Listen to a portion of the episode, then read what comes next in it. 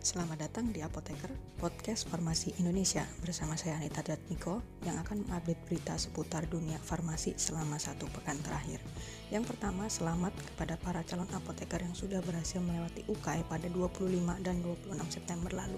Semoga hasil baiklah yang keluar ya. Berita yang kedua, Badan POM mengajak masyarakat untuk bijak dalam menggunakan produk susu kental manis atau SKM. SKM tidak bisa digunakan untuk mengganti kebutuhan ASI si kecil ya. Selain itu, SKM juga tidak cocok dikonsumsi oleh anak kurang dari 12 bulan. Mengapa?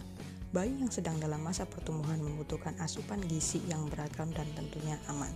SKM mengandung gula yang relatif tinggi, oleh karena itu jangan lupa perhatikan label produk sebelum membeli ya. Berita yang ketiga, masyarakat diharap memperhatikan dan mengenali rentang waktu penyuntikan vaksin COVID-19.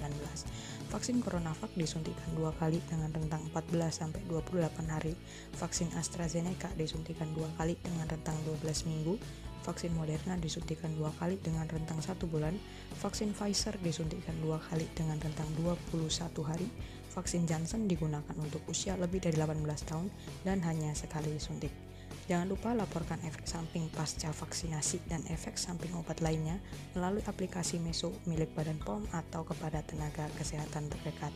Tetap sehat dan tetap semangat. Sampai jumpa di episode Apoteker minggu depan. Pendaftaran kelas bimbel online Master UKI sudah dibuka. Kegiatan bimbel akan dimulai pada bulan Oktober hingga Desember. Informasi pendaftar silakan buka di masteruki.com. Kalau ada yang murah, kenapa harus pilih yang mahal?